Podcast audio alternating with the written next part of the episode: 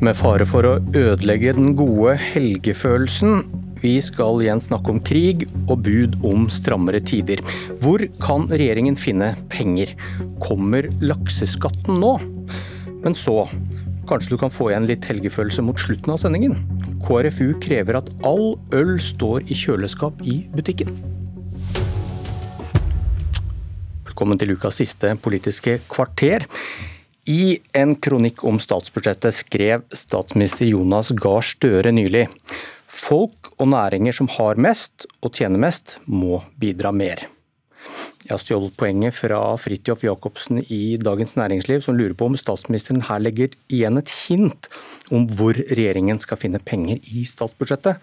Og Jacobsen er ikke alene om å peke på en grunnrenteskatt på lakseoppdrett. Det kan være der Støre og Vedum jakter nye inntekter. God morgen, kommentator i Dagsavisen Hege Ulstein. God morgen. Og politisk kommentator i NRK, Lars Nehru Sand. God morgen. Ulstein, Dagsavisen skrev på lederplass i går hvor kan du fiske opp noen milliarder, Vedum? Hvor er det penger å hente? Det er helt sikkert penger å hente flere steder, og jeg går ut fra at Finansdepartementet har en ganske lang liste over skatter og avgifter som de kan tilby politikerne, og så er det deres oppgave å finne de som er mest spiselige og mest hensiktsmessige. Men eh, skatt på, på, lakseoppdrett eller fiskeoppdrett det har vært en gjenganger i, i, flere år, særlig siden 2019. Og der er det eh, allerede en ferdig laget offentlig utredning som kom i 2019 som uh, har gått veldig grundig gjennom det. En 230 sider lang utredning som peker på at det er en fornuftig måte å, å, hente inn penger fra denne næringen på nå hadde nok ikke vært det for la oss si 20 år siden, men nå går den næringen så godt, så tjener de så mye penger at dette utvalget pekte på at de kunne få en grunnrenteskatt, som det heter. Altså at de betaler til fellesskapet fordi de får lov til å bruke fellesskapets ressurser på å tjene disse pengene. Og Da pekte de på at 40% ville være bra. Og det ville da i 2019 beregnet de gi en inntakt til statskassa i året på 7 milliarder kroner. Så kom, eh, hørte jo Støre her som da peker på de som tjener mest. Kapital kommer vel med sin liste i går over Norges 400 rikeste. Jeg tror mm. det blir fristende å peke på den for eventuelt begrunne noe sånt? Ja, jeg så at Vistø, som, eh, som er den største lakseoppdretteren i Norge, hadde sjetteplassen på den lista. Du skal ikke se bort fra at, eh, at det kan bli et tema i debatten. og eh, Arvingen hans er vel også Norges rikeste arving. Så det, det, er ingen tvil om at det er penger å hente i den bransjen, sånn som den, sånn som den tjener inn penger nå. Mm. Lars Nehru Sand, forklar oss litt. Hva, hva er tanken bak dette med en grunnrente? De fleste som tjener penger gjennom et selskap, enten de tilbyr en vare eller en tjeneste, så er det jo deres egen innsats og, deres produkt som, eh, som eh, skiller dem fra konkurrentene. Eh, mens de som har en ekstraordinær avkastning fordi det er våre felles naturressurser som ligger til bunn, det gjelder jo strømprodusenter, det gjelder oljeselskapene, og det gjelder på sett og vis også eh, laksenæringen, men man kan også si da gjelder det jo også vindkraft. Da gjelder det også eh, andre fiskere som, som har fiskekvoter, f.eks. Eh, men det at eh, fellesskapets naturressurser, når man har driftstillatelser, at det er mulig å, skattlegge ekstra, eh, det er tanken bak en grunnrenteskatt, som da selvfølgelig kommer på toppen av selskapsskatt og, og eventuelt formuesskatt og andre skatter som, som, disse næringene eh, betaler på lik linje med hotellet ved siden av eller andre næringsaktører i samme bygd. Så hvorfor har da ikke vindkraft og havbruk hatt en slik skatt?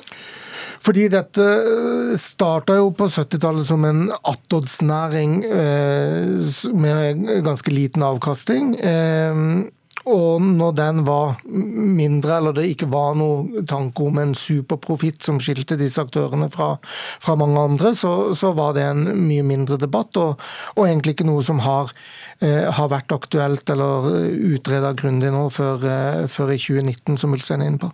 Hvilke argumenter er det som brukes mot å innføre dette for eh, lakseoppdrett og, og vind f.eks.? Ja, hvis man ser på laksenæringen spesielt, så er det jo at uh, i tillegg til at dette kommer på toppen av, annen skatt, så er det jo en distriktsnæring hvor aktørene Det er ikke bare vitser som driver med dette, det er også mindre aktører som ikke har den samme uh, inntjening og overskudd. I tillegg så har akkurat denne næringen selv argumentert med at det vil gå på bekostning av å modernisere, gjøre næringen mer klimavennlig, ha, innføre ny teknologi for, for en mer optimalisert drift. Og at de investeringene er kanskje viktigere, og også noe fellesskapet vil få igjen for, kontra en, en grunnrenteskatt. Og så har man jo også utreda flere alternativer enn en ren skatt til staten, men en mer produksjonsavgift som kan legge igjen penger mer i, i lokalsamfunnene, eller en kombinasjon av de to tilnærmingene, f.eks. Så vet vi at Senterpartiet har et vedtak mot dette her. Hva er det politisk mulig å få til? Ja, Det var jo politisk mulig å få til denne produksjonsavgiften som, eh, som Lars Nehru Sand er inne på. Problemet med den er at den gikk så mye penger til statskassa. Jeg tror det er en halv milliard eller noe sånt nå. Altså, hvis du kan ta 14 ganger på det, så er jo det selvfølgelig fristende. Men, eh, men du har rett i at Senterpartiet har vært veldig skeptisk til, eh, til en sånn skatt. og Det er jo bl.a. fordi det er en distriktsnæring. sånn at du kan jo se for deg ulike framgangsmåter her. altså hvis, hvis, det er sånn, da. Vi vet jo ikke om de, om de, faktisk tenker på å innføre denne skatten, men det kan jo hende at de da skjermer de små produsentene på en eller annen måte. Det kan hende at de velger å la det ligge og ikke uh, har det med i sitt eget budsjett, men gir det til SV i en forhandling på Stortinget. De må jo få med seg dem for å få flertall for budsjettet der. Og at det kan være en måte å finansiere SVs gjennomslag på. Så det er jo flere måter å gå fram på, men eh, jeg tror nok helt sikkert at dette sitter mye lenger inne for Senterpartiet enn det gjør for Arbeiderpartiet, som jo tok motstanden ut av partiprogrammet sitt i 2021. Ja, altså SV vil jo åpenbart ha dette her, og, og vil jo drive en omfordelende politikk. Og, og, både denne næringen spesielt, men også prinsippet om hvem er det, hvem skal betale skatt, og, og hva er det som skal skattlegges, eh, virker jo forlokkende med, med SV sitt eh, utgangspunkt. Man har jo også eh, som sagt muligheten for å ikke eh, ha en fullt ut skattlegging, men, men eh, en form for, eh, for, avgift. Man har jo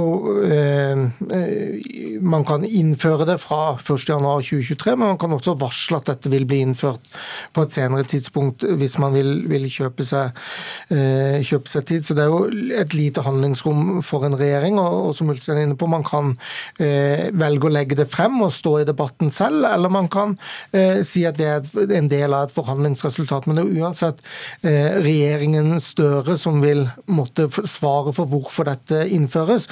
Så da kan man si at man like gjerne kan gjøre det først som sist og eie det standpunktet. Og så er det et spørsmål om kan man få til et bredt forlik her. Hva er holdningen til dette på borgerlig side, der økt skatt ikke gir hornmusikk i brystet og den gode helgefølelsen? Alle de borgerlige partiene fikk jo vedtak mot eh, lakseskatt i 2019, før denne NOen faktisk ble lagt fram i det hele tatt. Så det, det, er nok ikke sånn opplagt at de nødvendigvis går med på det. Fremskrittspartiet gjentok jo det på forrige landsmøte, men på den annen side så sa jo også bransjen selv før valget i fjor at de var nervøse for at en sånn skatt ville komme uansett eh, utfall. Og alle partiene må jo finne penger til sine satsinger på sine alternative budsjetter også. Mm. Takk Hege Ulstein. Takk Lars Nehru Sand.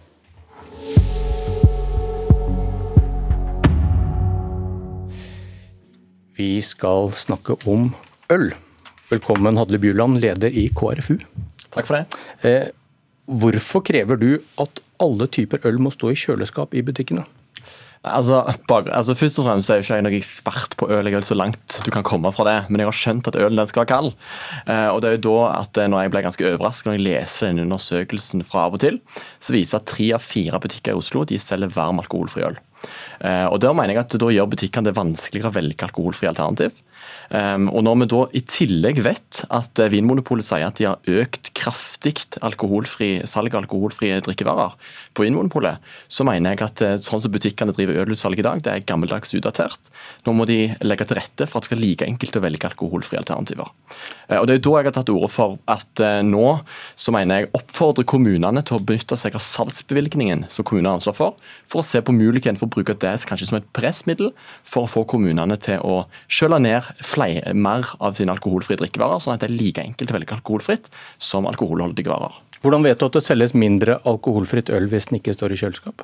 Altså, Det har jo en diskusjon knytta til bl.a. på flyplasser og hvorvidt du skal kjøle ned alkoholholdige varer. Det er jo fordi at eh, De vet at hvis du har nedkjølt alkohol, så drikker folk mer. Fordi at det, Nå snakker vi om butikkene, ikke på flyplasser. Jo, men det handler, det handler om samme prinsippet, at du gjør det mer attraktivt. Ingen liker varm øl. Folk ønsker kald øl. Eh, og da for, Kald øl er drikkeklar øl, og da handler det om å legge til rette for at eh, står du mellom valget i butikken, så kunne det være like lett å velge alkoholfri alternativ. Og Da mener jeg butikkene har et ansvar for det. Men Du vet ikke om det er noe forskjell her? Jeg regner med at det vil være mye enklere for eh, og når du står med det valget, eh, hvis du kan velge kald øl, så velger du alkoholfri alternativ, så er det lettere å velge alkoholfri alternativ hvis det er nedkjølt. Eh, ja. Ok, Anne Breivik, leder i Unge Venstre. Hvorfor vil ikke du tvinge butikkene til å kjøle ned all øl? Jeg syns rett og slett ikke det verken er en statlig eller kommunal oppgave å detaljstyre hvor butikkene plasserer produktene sine, eller at eh, leskedrikken eh, er kjølet ned til fire grader celsius.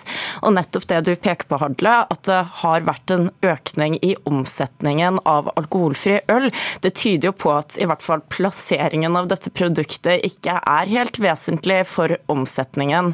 I dag så er alkoholfri øl det både vesentlig billigere, og det er også tilgjengelig hele åpningstiden.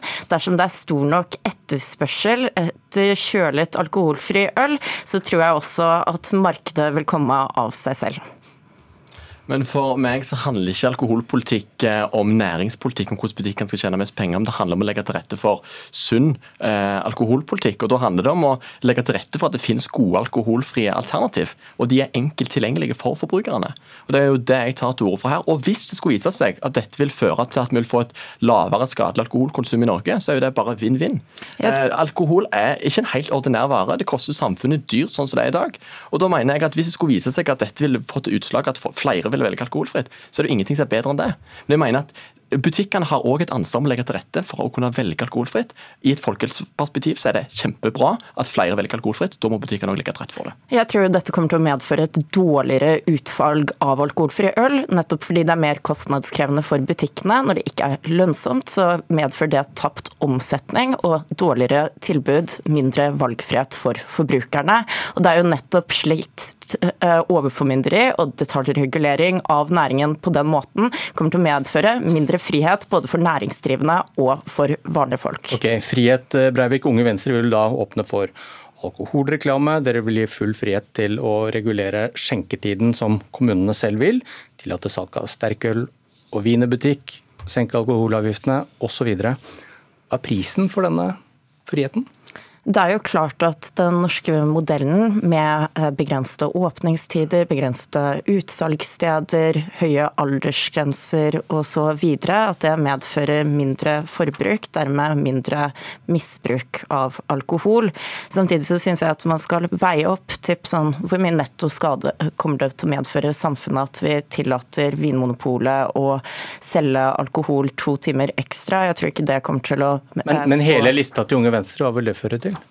Eh, det er jo eh, liberaliseringer som jeg tror kommer til å tvinge seg frem over tid. Liberaliseringer som er ganske vanlige andre land ellers i Europa, og som jeg ikke tror kommer til å eh, bringe det norske samfunnet i vanry, akkurat. Men når, når, du på, når, du går med på at forskning viser at økt tilgjengelighet fører til større skader mm. i, i samfunnet, da velger du da denne personlige friheten foran disse begrense disse skadevirkningene? Det er tale om små liberaliseringer, men jeg mener at små friheter i hverdagen til folk, mer valgfrihet for forbrukere, at det også er viktig å hegne om.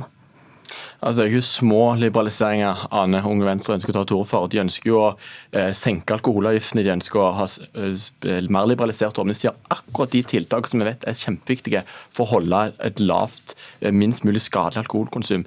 I dag er jeg veldig stolt av norsk alkoholpolitikk, fordi vi vektlegger de aller mest sårbare, de utsatte gruppene. Ungene, de som gruser til jul fordi foreldrene drikker for mye. og Da er jeg veldig glad for at vi har en politikk som ivaretar de først og fremst. Du skal videre åpne KrFUs landsmøte. Mm. Har dere kald øl til samlingen? Nei, det går mye i brus der. Ikke alkoholfritt øl, heller? Nei, det, det burde vi egentlig hatt sin del av, eh, av, tilbudet. Det er jeg enig med deg i. Vi mangler det. står ofte i kjøleavdelingen. Ja. Ok, eh, Godt landsmøte. Takk for det. God helg begge to. Det var Politisk kvarter. Jeg heter Bjørn Myklebust.